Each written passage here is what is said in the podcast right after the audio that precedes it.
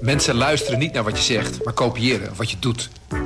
Onze vitaliteitsexpert Martin Hersman helpt je te focussen op wat echt belangrijk is. Beluister en bekijk Martin of een van onze andere experts op businesswise.nl. Businesswise, het nieuwe platform voor iedereen met ambitie. Dit is de podcast Politiek Dichtbij. Met Tobias den Hartog en Thomas Brouwer. Twee lange dagen werd er in de Tweede Kamer gedebatteerd over de regeringsverklaring van Rutte 4. Maar wat heeft dat nu eigenlijk opgeleverd? Is de felle kritiek op Kamervoorzitter Vere Bergkamp terecht? En betekent het lage aantal ziekenhuisopnames dat horeca en culturele instellingen snel weer opengaan? Dat bespreek ik met Tobias den Hartog en politiek verslaggever Niels Klaassen. Niels, ben jij al naar de kapper geweest? Ik ben uh, meteen naar de kapper geweest toen het kon. Jazeker. Ik voel me een kilo lichter. Een kilo lichter? Ja, dat is behoorlijk wat af dan. Uh. Ja, zeker. Dat was heerlijk. Tobias, kleine voorspelling. Zit jij deze maand nog in het café met een, met een biertje? Oeh, binnen nu en vier weken zeg maar. Uh, ja, geplaceerd. Misschien aankomend in, met een mondkapje op. Al dan niet met een code, denk ik van wel. Ik hoor al heel veel mits en, en uh, maar. nou, over die versoepelingen gaan we het straks sowieso nog hebben. Eerst het debat. Want deze week was het debat over de regeringsverklaring. Dat is voor fijnproevers meestal smullen. Hè? Was dat dit keer ook het geval? Ik vond het zelf wat tegenvallen. In die zin dat het ging eigenlijk een beetje langs de oude lijnen. Alle uh, nieuwe bestuurscultuurverhalen ten spijt was het vooral het kabinet dat presenteerde. Dit zijn onze plannen. De oppositie probeerde her en der wat miljoenen voor het een of het ander meer of, uh, of, minder los te peuteren. Maar daar zat niet zo heel veel beweging in. Ja, ik heb me niet, niet kostelijk vermaakt. Zeg maar. Nee, ik vond het wel heel fascinerend om te zien hoe de nieuwe werkwijze voor sommige partijen uitpakte. Dat ze zich hadden voorgenomen om niet meer zomaar dingen te negeren, persoonlijke aanvallen of ja. juist ergens op in te springen. Dat was wel echt anders, maar verder, ja, inhoudelijk waren er heel veel hoge verwachtingen over uitgestoken handen en... Uh, uh, soort van heal the world, uh, make it a better place, allemaal aan, samen aan dezelfde kant van uh, de streep. Maar ja. wat dat betreft weer klassiek, hè? oppositie, coalitie, afspraak is afspraak. Zeg maar. Ja, want nog even voor de duidelijkheid, het doel eigenlijk van dit debat is toch er is een akkoord, het kabinet presenteert de plannen en wil daar steun voor van de oppositie. Ja, het is inderdaad een presentatiedebat. Hè. We hebben, we hebben die, die ellenlange formatie gehad. Er is een coalitieakkoord gepresenteerd, of regeerakkoord, met het even hoe je het noemt. Maar, uh, en dan komt er een debat over. Dus dat is eigenlijk de eerste kans voor de oppositie om te zeggen... nou, we hebben het gelezen en dit vinden we ervan... en hier willen we een onsje meer of een onsje minder. Dat gaat natuurlijk allemaal uitgewerkt worden in de komende jaren... met nog hele lange debatten over deelonderwerpen... tot, in, tot ver achter de komma. Maar dit is even het debat over de grote lijnen. Voor iedereen dus wel belangrijk wat, wat, wat, wat de toon uh, van de muziek is. Ja. Het ging dus ook over onderwerpen waar de oppositie dan inderdaad op aanslaat als ze die plannen lezen. En dan komt vooral ook de koopkracht naar voren. Hoe zit dat precies? Kijk, het gaat altijd uh, in, in een uh, regeerakkoord. Het gaat over miljarden. Hè? Ik bedoel, ik geloof alleen al, Niels, jij weet beter dan ik. Maar volgens mij gaat er naar de zorg zo'n 80 miljard per jaar. Even ja, slordig meer. gesteld, nog meer. Ja. En de koopkracht, dat gaat er eigenlijk om uh, prima zo'n regeerakkoord, maar wat merk ik ervan in mijn portemonnee? Gewoon als burger, krijg ik er een tientje meer of een tientje minder te besteden het komende jaar? Want we hebben het over die grootheden. Uh, als je een koopkrachtstijging van 0,2% uh, uh, hebt, nou nodig je buren vooral nog niet uit voor bier en bitterballen, want ja, dat zijn een paar tientjes. Maar het is natuurlijk wel een signaal aan de bevolking van, hey, we hebben economische groei, het gaat best aardig, ondanks corona.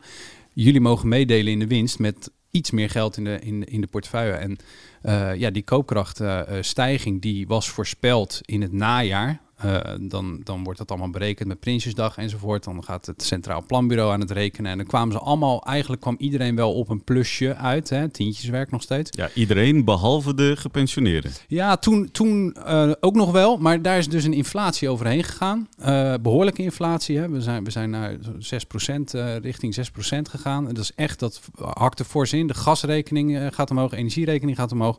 Dus die, die, ja, dat, dat verdampte, hè, die koopkrachtbeeld, dat koopkrachtbeeld. En wat is er nu in het regeerakkoord afgesproken. De AOW stijgt niet meer automatisch mee met het minimumloon. Minimumloon gaat omhoog. Dat kan uh, het kabinet bepalen. Heeft het ook gedaan. Wil het ook gaan doen in ieder geval. En de AOW zou altijd een beetje meegroeien. Dat is nu niet meer. Dat laten ze los. Althans voor de komende vier jaar is het plan. En daar was de oppositie natuurlijk boos over. Want ja, dan gaat die koopkracht voor die ouderen, precies wat je zegt, gaat echt in de min. Ja, en dan vraagt zijn oppositie van premier Rutte garanties dat die koopkracht uh, wordt gecompenseerd. Dat er maatregelen worden genomen om iedereen in ieder geval een beetje meer te krijgen, laten krijgen in de portemonnee. Dat klonk als volgt. Dit lijkt er zomaar weer op te worden dat het de zoveelste gebroken belofte van Rutte gaat worden. Want dit kennen we natuurlijk van de andere kabinetten ook. Waarbij er ook steeds werd gezegd, ja nee, iedereen gaat erop vooruit. Kunt u die garantie geven? Als mevrouw Marijnissen zelfs daar nu een harde garantie van mij wil hebben. Ik ga heel precies zijn vandaag. Uh, echt heel precies. Ga ik er geen harde garantie geven. Ja, geen toezeggingen van Rutte dus. Uh, waarom wil hij die niet geven? Stuur. Simpel antwoord is: het, is, kost, gewoon, heel, veel, heel geld. veel geld. Ja, je gaat richting miljard of zo. Ja, je gaat richting 2,5 miljard en dat is gewoon een gat op de begroting. Natuurlijk, er wordt, wat ik net al zei, miljarden uitgegeven, maar ja, dit slaat wel gewoon een gat als je dit, uh, als je dit wel belooft te doen. En dat die is teksten plan, waren ook hoor. echt uh, afgesproken werk, hè? want die eerste dag ook ja, het is een soort Haagse obsessie hè, met die koopkrachtwolken en, en cijfers en percentages. Uh, je kunt hier iemand op straat aanspreken, niemand snapt precies hoe het zit, maar ze willen in ieder geval altijd op een plus uitkomen. Er moet gewoon geld bij als het goed gaat met de economie in onze portemonnee. Nou, het is vaak theorie, hè, zoals Tobias al zegt, maar de partij had ook echt afgesproken, ja, maar we gaan dit echt alvast even iedereen geruststellen dat we er heus wel wat aan gaan doen. Want die eerste dag ook van, uh, nee, we hebben afgesproken dat iedereen positief en eerlijk verdeeld een, een goed resultaat moet krijgen. Dat was dus op de eerste dag. Ja. En dan verwachten, bedoel, uh, uh, Sophie Hermans zei ook, hè, we gaan ons Ja. het beste ervan doen. Er waren al een soort uitgestoken hand werd er gegeven door de VVD. De tweede dag zegt Rutte al meteen, ja jongens, dat gaan we dus niet doen. Dat is het begin van het debat. Heeft zo'n debat dan überhaupt eigenlijk nog wel zin? Nou ja, dat werd ook hardop afgevraagd door eh, bijvoorbeeld Jesse Klaver. Die zei, ja, het is nu 11 uur en je hebt al gezegd, we, je gaat niks toegeven. Dus wat staan we hier dan nog eigenlijk te doen? Dat is ook een beetje theater, maar niet helemaal onwaar. Rutte gaat niet eh, die AOW ineens weer koppelen. Dus eh, hij heeft gezegd, en dat de, de coalitiepartijen de, partijen zeiden het hem na en nog iets gedetailleerder. We gaan in het voorjaar, eh, als er nieuwe berekeningen zijn van het CPB, gaan we nog eens kijken of het op een andere manier die koopkracht voor ouderen en misschien voor andere groepen die dan ook in de min zitten, kunnen herstellen. Maar we gaan het niet nu en hier toezeggen. Ja. Ze hebben op zich ook wel wat tijd in die zin. En energieprijzen kunnen ook weer dalen. Kunnen ook gaan dalen, ja. En Ja. lockdowns kunnen opgegeven worden of zo. Je kunt ook geholpen worden door de Ja, tijd natuurlijk. Zeker. Maar het gekke is, het is ook wel niet zonder risico's, toch? Want op zich hebben ze geen gegarandeerde meerderheid in, de, in beide kamers, de- dit kabinet, hè, deze coalitie. Dus ze hebben op zich meer dan andere kabinetten ook gewoon die handtekening nodig en die steun hè, Ja. van die oppositie. Dus dat is wel ook het riskante, vind ik dan weer, Ja. aan de opstelling van het kabinet. Als ze wel een beetje meeveren in woord, zo van, hé, we meen te denken, constructief, we willen hetzelfde. Maar uiteindelijk zeggen, nou ja, maar tot hier en niet verder, is niet zonder risico's. Want ze Ja. kunnen uiteindelijk eh deksel op de neus krijgen in de Eerste Kamer. Ja, het, het dus- is, het is echt een heel dun lijntje. Hè? Want het- precies wat je zegt, ze hebben oppositiepartijen nodig, al was het maar in de Eerste Kamer, om aan meerderheden te komen. Ja. En ze hebben in het najaar, toen met het Prinsjesdag eh, eh, debat, toen bleek om de oppositie mee te krijgen in de begrotingsplannen van eh, het lopende jaar, van dit jaar, was toen heel veel geld nodig als smeermiddel. Er was geloof ik 500, naar, 500 miljoen naar defensie en eh, veiligheid. De verhuurderheffing eh, gingen aan. De, 2 eh, de- miljard in totaal. Dik, de- de- een pakket van 2 miljard. Nou, dat, dat zou je nu in één keer kwijt zijn als je de AOW-koppeling toezegt. Hè? Dus ze weten, de prijs is hoog. We gaan die oppositie moeten paaien. Dat gaat geld kosten. Eh, maar ja, ze laten het er inderdaad, wat je zegt Niels, een beetje op aankomen. Zo van, nou, dat zien we dus later in de tijd wel. En Vroeg me wel- hopend, ja, ja, hopend dat het nog iets... Ik vroeg me wel één ding af en dat is Henk Krol schoot in mijn hoofd.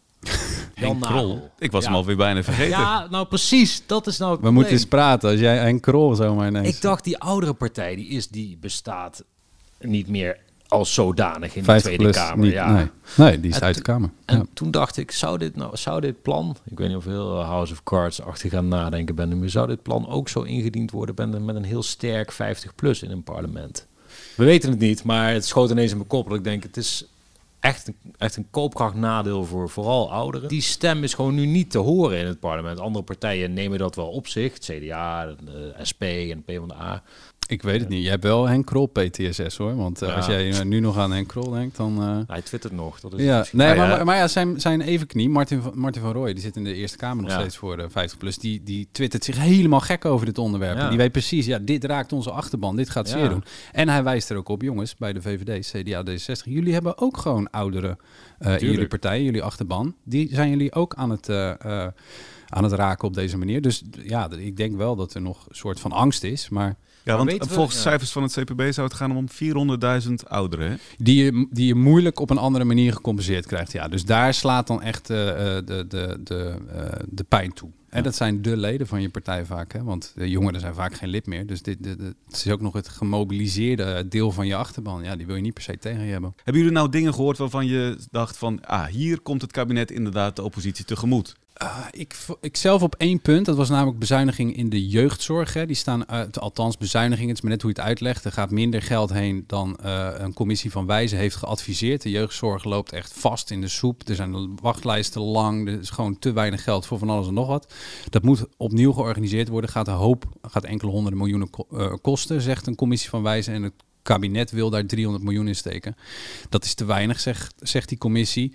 Uh, dus de oppositie boos. En ik hoorde uh, Heerma eerst en daarna Rutte nog wel zeggen van ja, nou als dat, hè, en al, ik, ik chargeer nu even iets andere woorden, maar als dat nou echt allemaal in de soep dreigt te lopen en dit lukt niet, dan is er wel met ons te praten. Nou, met zulke zinnetjes weet je, oké, dan dan is er inderdaad te praten. En dan gaat hij misschien op een later moment nog een keer de portemonnee trekken. Maar dit was het ook wel zo'n beetje, denk ik. Ja. Nee, maar ik denk ook dat veel van de echte stevige discussies ook echt nog moeten komen. Ook op inhoud, want er zijn potten geld, eh, daar word, je, daar word je dol van. Miljarden voor klimaat, miljarden om de stikstofproblemen aan te pakken. Maar je kunt moeilijk ruzie maken over een pot geld die nog geen plannen kent. Hè? Ja. Dus, dus ook daarom moeilijk toe te geven. Ik bedoel, er zijn natuurlijk totaal andere ideeën bij Ja 21, oppositiepartij, dan bij Partij voor de Dieren als het gaat om klimaat. Maar dat gaan we allemaal nog zien. Eerst moet het kabinet daar echt iets voor bedenken. En moeten we dan wachten op specifieke debatten over die onderwerpen mhm. voordat daar echt meer duidelijk over wordt? Ja. Ja. Want de pot met geld staat klaar, hè? 55 miljoen voor klimaat bijvoorbeeld. Maar wat doe je ervan? Ga je een dijk bouwen 100 meter hoog, zoals Ja 21 wil? Of ga je een fabriek sluiten, zoals eh, GroenLinks wil? Dat is nogal een verschil, hè? Dus dat gaat echt in, de, um, in die debatten pas uh, duidelijk worden. Ja, uh, werd er deze week ook gesproken over Groningen. Daar was natuurlijk ook nogal wat om te doen. Net voordat het nieuwe kabinet aantrad, werd duidelijk dat er meer gas uit Groningen wordt gehaald komend jaar. Ook stonden Groningers urenlang in de rij om aanspraak te maken op subsidie om hun woningen te verbeteren. En bovendien bleek er dan ook nog eens onvoldoende geld gereserveerd te zijn om die Groningers te kunnen compenseren. Die, rij die daar stond, terwijl wij op Bordes uh, mooie plaatjes lieten schieten, dat is natuurlijk extreem, extreem pijnlijk. Ik vind dat echt, ik vind dat echt verschrikkelijk. Mensen in, uh, in rolstoelen, mensen met rollators in de kou, echt. Dus laten we daar gewoon proberen niet iets moois van te maken. Dit is gewoon een blunder. Ja, extreem pijnlijk. Rutte noemt het verschrikkelijk, een enorme blunder. Daar zegt hij niks te weinig aan, toch?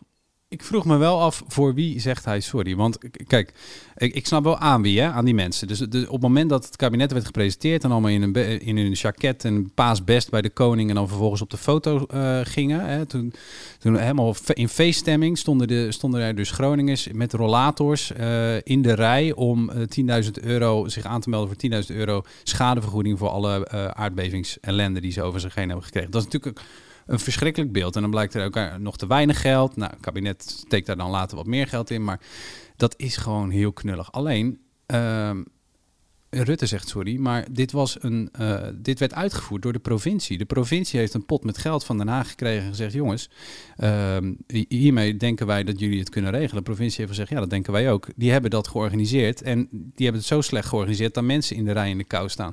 Ja, Rutte zegt daar sorry voor. Ik dacht, nou ja, oké, dat, dat ja, kan hem sieren. Of dat haalt misschien de wind uit de zeilen bij de oppositie. Maar ja, het was eigenlijk niet zijn, nee, volgens niet mij zijn heeft, fout. de provincie Groningen en een statenvergadering ook, ook excuses gemaakt. Ja. ja daar kijken wij natuurlijk als daar land kijkt dan weer niemand naar. Niet naar. Dus misschien dat hij dacht, ik pak hier nog wel even ja. het podium. Om, uh, om, maar het was denk ik ook vooral de timing. Ik bedoel, überhaupt slecht, blijkbaar slecht uh, voorbereid. Super lullig allemaal. Maar ja. de timing is natuurlijk ultiem naar. Dat je een beetje aan het shinen bent op een, op een podium terwijl mensen in een rij uh, slecht weer staan. Ja, dat, dat krijg je niet meer. Dit is er zo eentje die je over vijf jaar in de overzichten terug ziet komen. Ja. En als het over tien jaar over de gaswinning in Groningen gaat, hè, dan zie je deze, deze beelden weer ja. van die rij. Dus dat, dat, ja, dat blijft. Ja, intussen is de staatssecretaris al naar Groningen geweest. Rutte is naar Duitsland geweest om daar te kijken...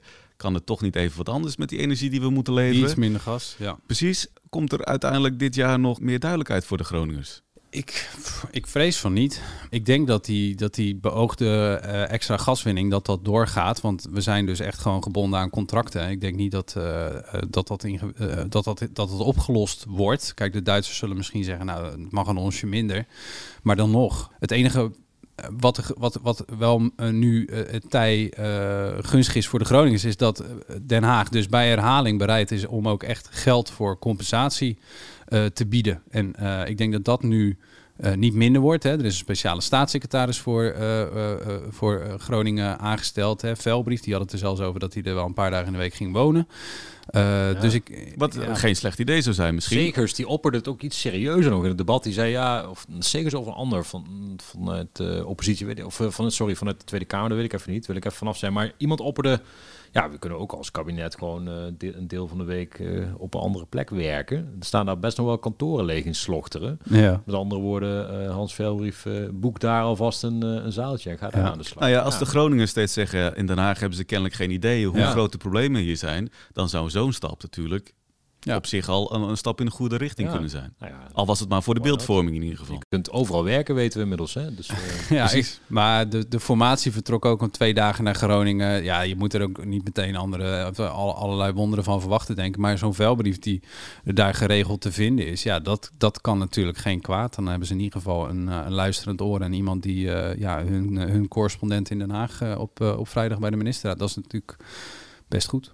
Ja, een opvallend moment in het debat over Groningen vond ik toen Wiebrum van Haga zich bij de microfoon eh, meldde. De VVD is hier verantwoordelijk voor, maar de, de premier gaat niet in op mijn vraag. Nou, wat is nou het scenario als we de druk gewoon wel op peil houden en daarmee dus minder seismische activiteit hebben en wel blijven doorproduceren, waardoor we wel geld verdienen, waardoor we wel de Groningers kunnen compenseren? De minister-president. Ja, voorzitter, we doen alles om in Groningen in financiële zin uh, ervoor te zorgen dat geld geen blokkade is. Het nationaal programma Groningen wordt de komende tijd uitgerold om ook de economische uh, activiteit in het gebied verder te versterken. Maar ik geloof niet dat iemand in Groningen die nu dit debat volgt blij zou worden als ik zou zeggen, nou weet je wat, meneer Van Haga heeft ook de kijk gelezen, we gaan dat eens uitzoeken. Dat gaan we echt niet doen. Ja, Rutte klinkt hier toch wat geïrriteerd. Ja, ja, ja Rutte en Van Haga komt niet meer goed, denk ik. Nee, dat is geen gelukkig huwelijk meer. Nee, nee, nee ja, het, het, kijk, het is natuurlijk eh, best een denigrerende opmerking. En daar, daar bood hij ook zijn excuses uh, voor aan. Uh, maar dit kwam uit zijn tenen. Ik ben ook even bij VVD'ers langsgelopen gisteren van ja, hoe zie je dat nou? Want Van Haga is dus uit de VVD-fractie uh, gegooid op een gegeven moment uh, vanwege het feit dat hij huizen in beheer had en dat daar van alles aan rammelde. Toen is hij naar Forum overgestapt, daar is hij ook weer uitgegaan. Nu heeft hij zijn eigen partij. Ehm, maar goed, in de tijd dat er over gasboringen in Groningen werd gesproken binnen de VVD, zat Van Haga gewoon aan tafel daar. Dus ik vroeg van, joh, heeft hij dat destijds dan ook allemaal geopperd? En toen zeiden zij, ja, goed, voor wat het waar is. Hè. Ik bedoel, Van Hagen heeft waarschijnlijk een ander verhaal, maar VVD zegt, joh, hij was de eerste die zei dat we moesten boren als een malle. Zoveel mogelijk gasten uit moesten gooien. En zeker niet, hè, want daar gaat het dan om. Je creëert een gat in de grond, want je haalt er gas uit. Zeker niet, zei Van Haga toen volgens die VVD'ers... er vervolgens beton of water in gooien... zodat je niet meer bij een nieuwe gasbron komt. En hem eigenlijk afsluit. Eigenlijk iets wat hij nu dus uh, min of meer voorstelt. Uh, dus ze zeggen, ja, mooi verhaal allemaal... maar dat hij destijds uh, zijn mond open moeten doen... heeft hij niet gedaan. Sterker, had een heel ander verhaal toen. ja. Dat, dat, hoor je dus meer. Hè? Ik denk dat de seismische activiteit ook toeneemt als Van Haga aan het woord komt op de VVD-gang. Zijn daarover gefrustreerd. Maar bijvoorbeeld Forum, ik hoorde van de week, Baudet was trouwens zelf afwezig bij het debat vanwege griepklachten, twitterde hij. Maar een partijgenoot had het bij de regeling van werkzaamheden over de vreselijke situatie voor Groningen in een bijzin. En toen ging ik even terugdenken aan de verkiezingscampagne. Toen stond Baudet bij ons in de studio. Toen ging het over gaswinning en Groningen. Toen had hij best wel een plan waar Groningen denk ik niet heel blij van wordt. Toen was het meer van, uh, ja, haal maar zoveel mogelijk gas uit. Er liggen miljarden in de bodem. Ja, ja. Ver, verhuis desnoods. En Groningen is ons windgewest. Ja. En uh, nou ja, goed, het is over het korte geheugen ja, en, zeker. en draaiende standpunten gesproken. Ja, nou, nou absoluut. En, en uh, het, het, het, vertaalt zich naar irritatie, dat hoor je uh, aan Rutte. En wat, wat, ik wel een mooi, mooi ja, het is, het is, ook een beetje kinderachtig, laten we wel wezen, maar hij noemt het niet Van Haga. Die man heet dus Wiebrum van Haga, maar Rutte heeft het de hele tijd over Haga, alsof hij zijn naam niet zou weten. In, ja, zijn dit soort, zijn dit soort Ja, trucjes, dat is expres. Dat weet ik zeker. Nou ja, goed, dat kan ik niet bewijzen. Nee. Maar ik vermoed dat dat... Hetzelfde als tri triple B. Triple B, ja, inderdaad. Ja. Even zo, even, een beetje schoolplein, ja. iemand op school, even testen, even een beetje kleineren. Ja. Hygiëne is dit Ja, echt. dus wel, ja. Ja, ja het is subtiel, dus op de maar... Apenrots is er, er is een nieuwe, uh, nieuwe gorilla op de Apenrots. Of iemand waar je al langer een ekel hebt. En, ja. ja, dat is het wel, ja. Als je Rutte 4 nu zou moeten vergelijken met een dier, Niels. Uh, met een dier? Met een dier. Aan ah. welk dier zou jij dan denken? Zo. Slang? Uh, een stukje poëzie van uh, Kees van der Staaij. ik kan u vertellen, dat, dat vervellen van zo'n slang, dat is echt spectaculair. Want eerst eet zo'n slang niet meer. Die, die staat lusteloos voor zich uit. Ziet er heel treurig uit en grijs en dof. Maar dan ineens in een wonderlijke kronkelgang, dan kruipt die slang uit zijn oude huid. En dan komt er een prachtig nieuw glanzend vel tevoorschijn. Het beest vertoont meteen een ongekend nieuwe levenslust, prachtige frisse kleuren. Kortom, je zou zeggen, het ziet eruit als nieuw elan. Ja, bij dit soort teksten ben ik heel erg benieuwd. De cabaretzaal was wel open. Zeker, ik ben vooral erg benieuwd naar de liefdesbrieven van Kees van der Staaij. Als die zo al kan dichten over uh, Rutte 4. de liefdesbrieven van der Staaij. Hij was wel in vorm. Ja, ik kan me daar geen voorstelling bij maken eigenlijk. Ik denk toch gelijk aan het. Ik denk toch gewoon aan het Oude Testament en zo. Dat is allemaal barokke teksten en zo. Dat, eh, dat... Er zitten genoeg slangen in. Het Oude ja, ja, zeker. Ja, ja, ja. En hij is ermee bekend. Hij heeft zelfs huisdier. Dus uh, ja. Nou, ik dacht ook, het is weer. Het is weer nou ja, volgens mij gaan in de complothoek gaan ook allemaal theorieën over uh, reptiele mensen. Oh ja, zeker. Dus ik dacht, oh, die is, boort hier ook weer een nieuwe ja, kijkersgroep aan. Ja, ja. Maar, oh, ja, dat is wel heel ver doorgedacht. Ja, maar ik denk wel dat over de, Rutte heeft het zelf gezegd, hè, over de slangenhuid die je niet kunt. Uh, hij is niet als een slang die zijn huid afwerpt, een totaal nieuwe Rutte is. Dat heeft hij voor mij deze week bewezen. Het is ja, het is Rutte zoals we hem kenden. Ja, Rutte 2.0 lijkt op Rutte 1.0.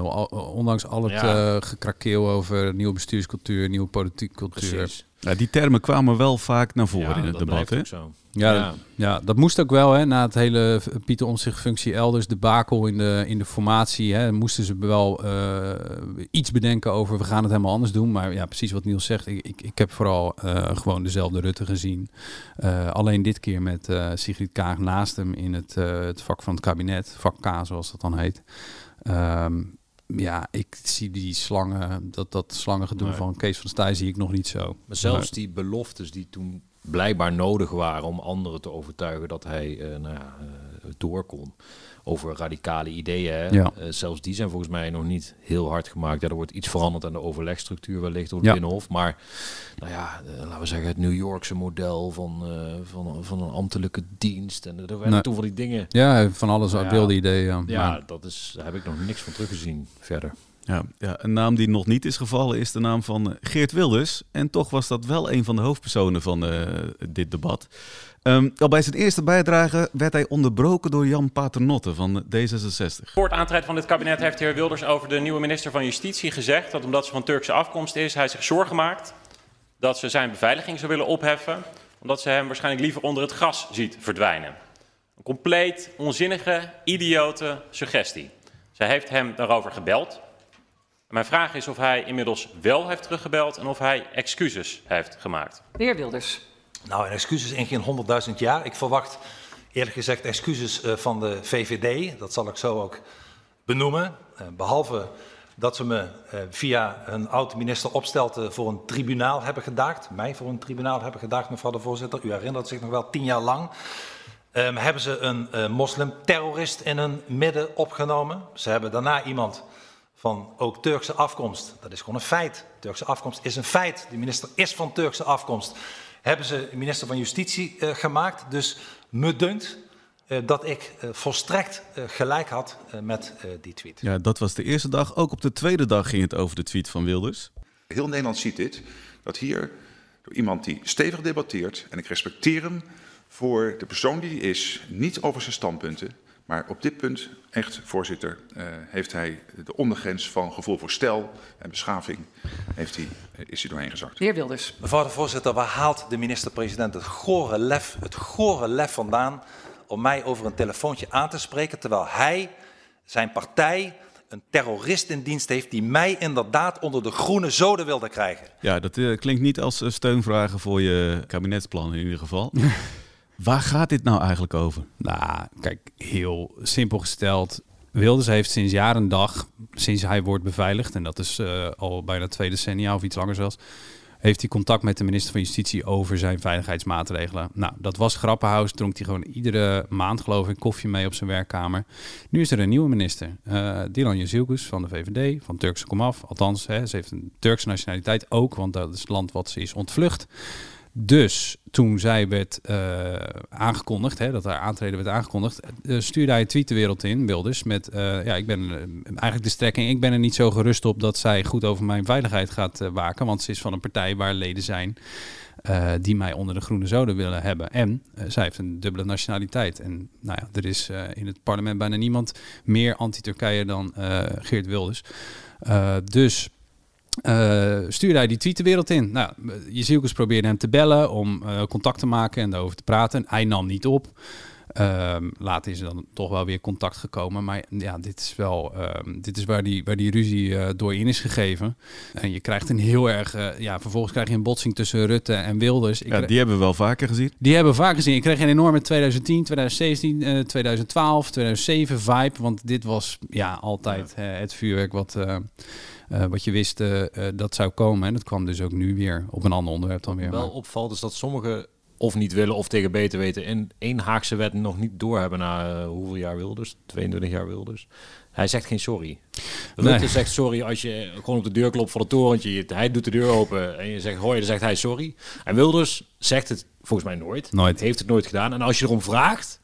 Dan zeker niet. Dan zijn we weer op het schoolplein. Dan gaat hij overdrijven en dat hij dat echt nooit gaat doen. En nou, dan hoor je net. Dus ja, ik kan me, kan me ook geen sorry van hem herinneren, eerlijk gezegd. Maar ja, misschien hij zal sorry zeggen dat ik geen motie van wantrouwen heb ingediend, weet je wel. Dus dan zegt hij sorry voor iets wat nog erger is. Ja, nee, maar ik kan me dat niet heugen. En Vanuit Wilders uh, optiek is het, is het zo dat, kijk, bij de VVD zit, is een, is een medewerker aangesteld. Uh, die is ook een zus van een D66-Kamerlid. En die medewerker die is in het verleden veroordeeld geweest voor haar rol in de Hofstadgroep. die Hofstadgroep die op zoek was naar Wilders en Hirsi Ali om hen te vermoorden.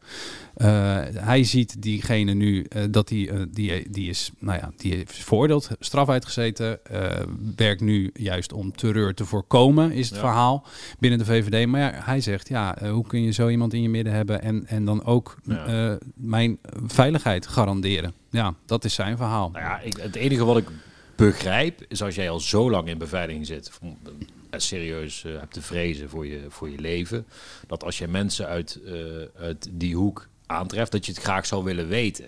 Ja. Ik denk dat dat, en dat weten we niet, hè, in hoeverre dat wel of niet gedeeld is. Hij lijkt erdoor verrast. Ja, hij lijkt erdoor verrast. Het lijkt oprecht, want hij heeft er vragen over gesteld aan, uh, aan, aan, Rutte. En daar, daar, daar schrijft Rutte eigenlijk in, uh, zoveel woorden met... Uh, ja, als wij het nodig vinden jou daarover te bellen, dat je diegene tegenkomen, dan zullen we je bellen. Ja. Maar dat hebben we nu niet echt nodig gevonden. Dat kun je daarin lezen. Dus ja, de, de, in die zin was Wilders gewoon onaangenaam verrast. En dan... Ja, aan de andere kant, hij bespreekt dit natuurlijk niet voor niks tijdens het debat. Zeker. Daar Zeker. zit ook wel een politieke motivatie achter, neem ik aan.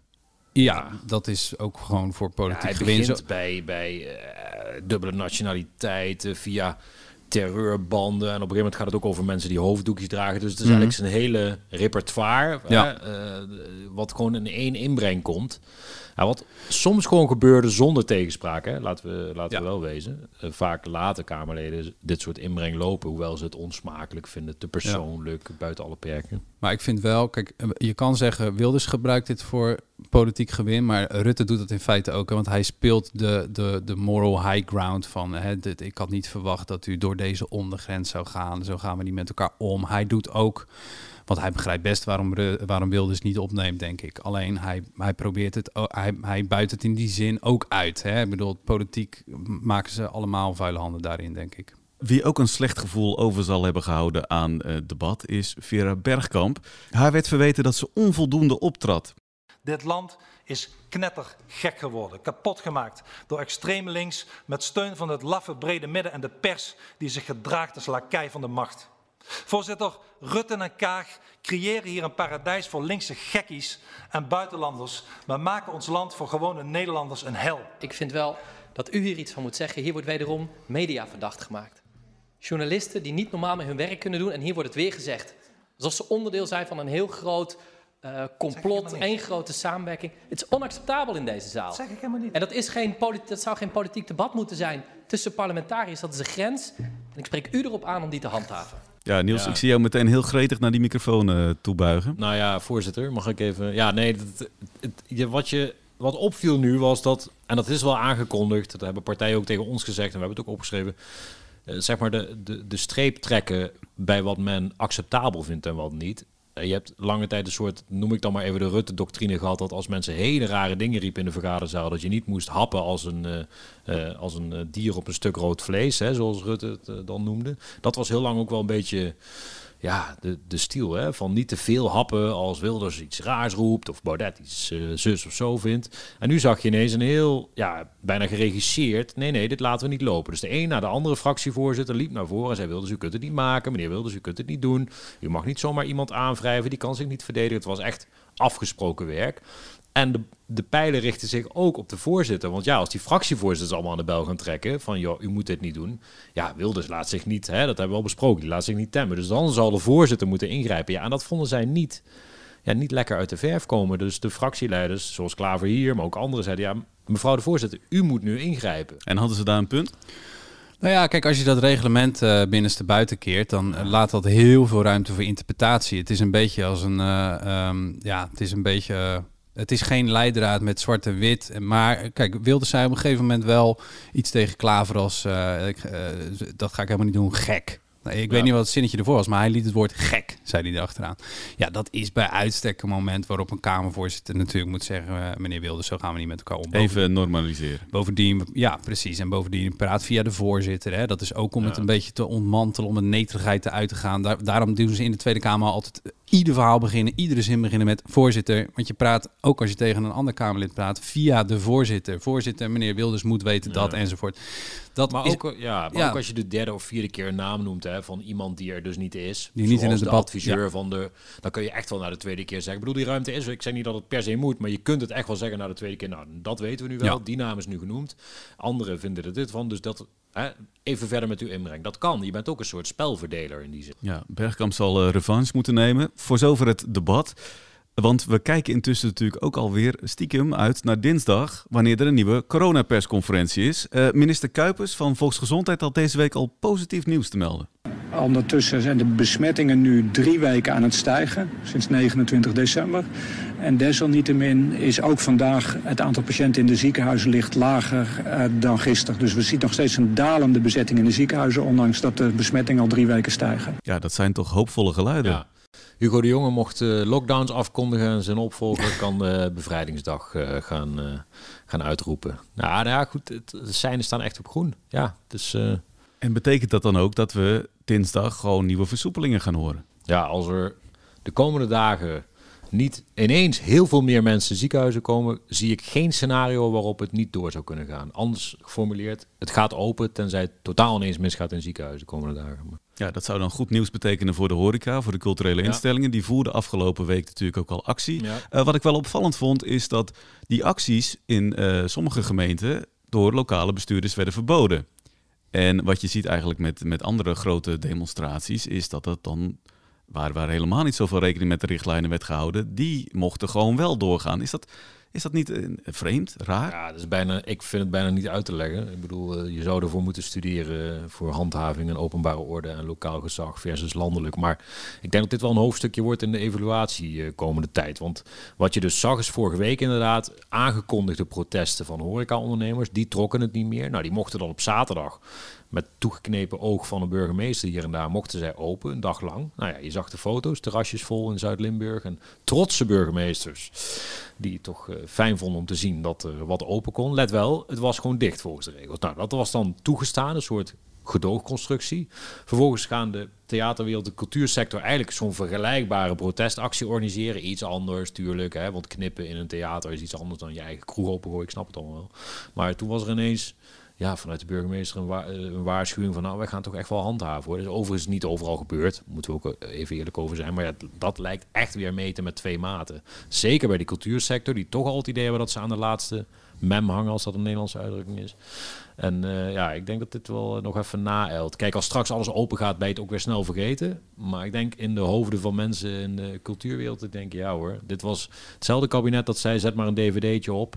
Toen het over de opening van musea ging, ja, nou uh, weer dit. Ja, dat rammelt aan alle kanten. En ik denk dat de burgemeester dat ook wel weet. Er was een ingelaste vergadering afgelopen week, digitaal dan, van het burgemeestersberaad. En daar, daar schijnt het echt wel van, uh, van dik uit te zijn gegaan. met verwijten over en weer van waarom zouden we nog luisteren naar het kabinet? Dit is toch niet meer te verkopen tot aan... En jij moet gewoon handhaven, anders hang je ketting maar aan de wilgen. Want daar zijn we voor aangesteld.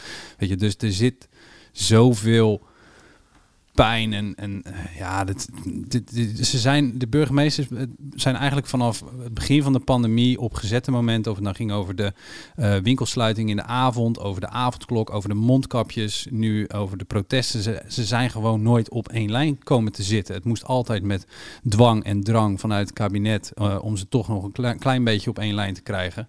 En uh, ja, dat, dat, dat is, dat is de entourage van Grappenhuis, de mensen rondom Grappenhuis hadden wel eens het idee van ja, uh, wij komen daar en we moeten alle kinderen, uh, alle kikkers in de wagen zien te houden, alle kinderen een beetje in het gereel.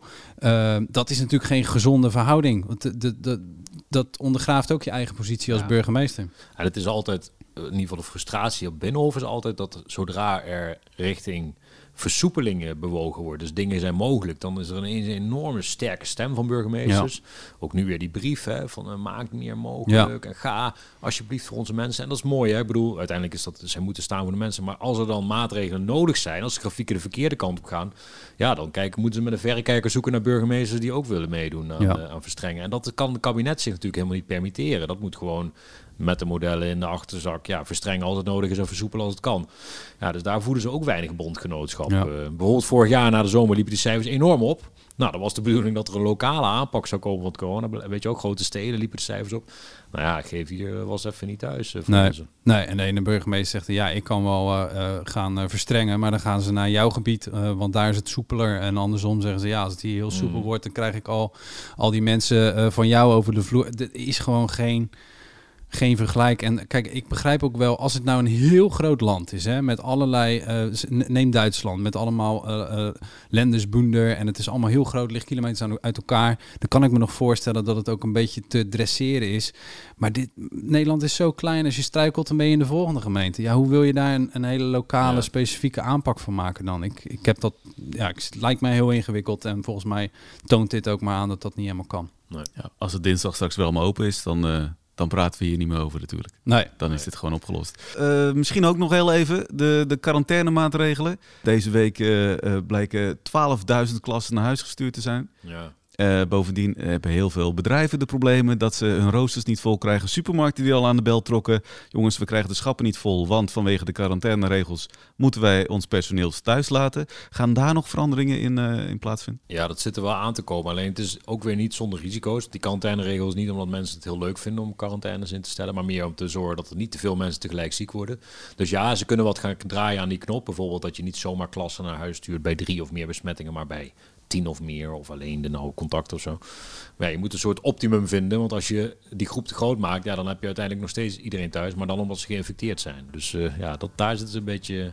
Maar er gaat wel degelijk aan die knop gedraaid worden. En dat is vorige week ook al verruimd, hè. Want als je een boost shot hebt gehad, hoef je bijvoorbeeld niet in quarantaine als iemand in je omgeving besmet is. Als jij een cruciaal beroep hebt, hoef je niet in quarantaine als je elke dag negatief zelftest. Dus er, ja, er zit al wat verbetering op uh, stapel. Ja, wij wachten in spanning af op dat positieve nieuws van dinsdag dan. Tot zover deze aflevering van Politiek Erbij. Vind je dit nou een leuke podcast? Abonneer je dan vooral via Apple Podcast of Spotify. En volgende week, dan zijn wij er weer. Tot dan. We worden dagelijks overladen met overbodige informatie. En het is moeilijk de zin van de onzin te scheiden. Daarom vertrouw ik op echte journalisten in plaats van meningen. Een krantenmens heeft het gemakkelijk. Word ook een krantenmens en lees je favoriete krant nu tot al zes weken gratis. Ga snel naar krant.nl. Bezorging stopt automatisch en op deze actie zijn actievoorwaarden van toepassing. Een goede spreker herken je aan de Q&A aan het eind. Onze lifehack-expert Martijn Aslander geeft je adviezen waar je echt wat aan hebt. Beluister en bekijk Martijn of een van onze andere experts op businesswise.nl. Businesswise, het nieuwe platform voor iedereen met ambitie.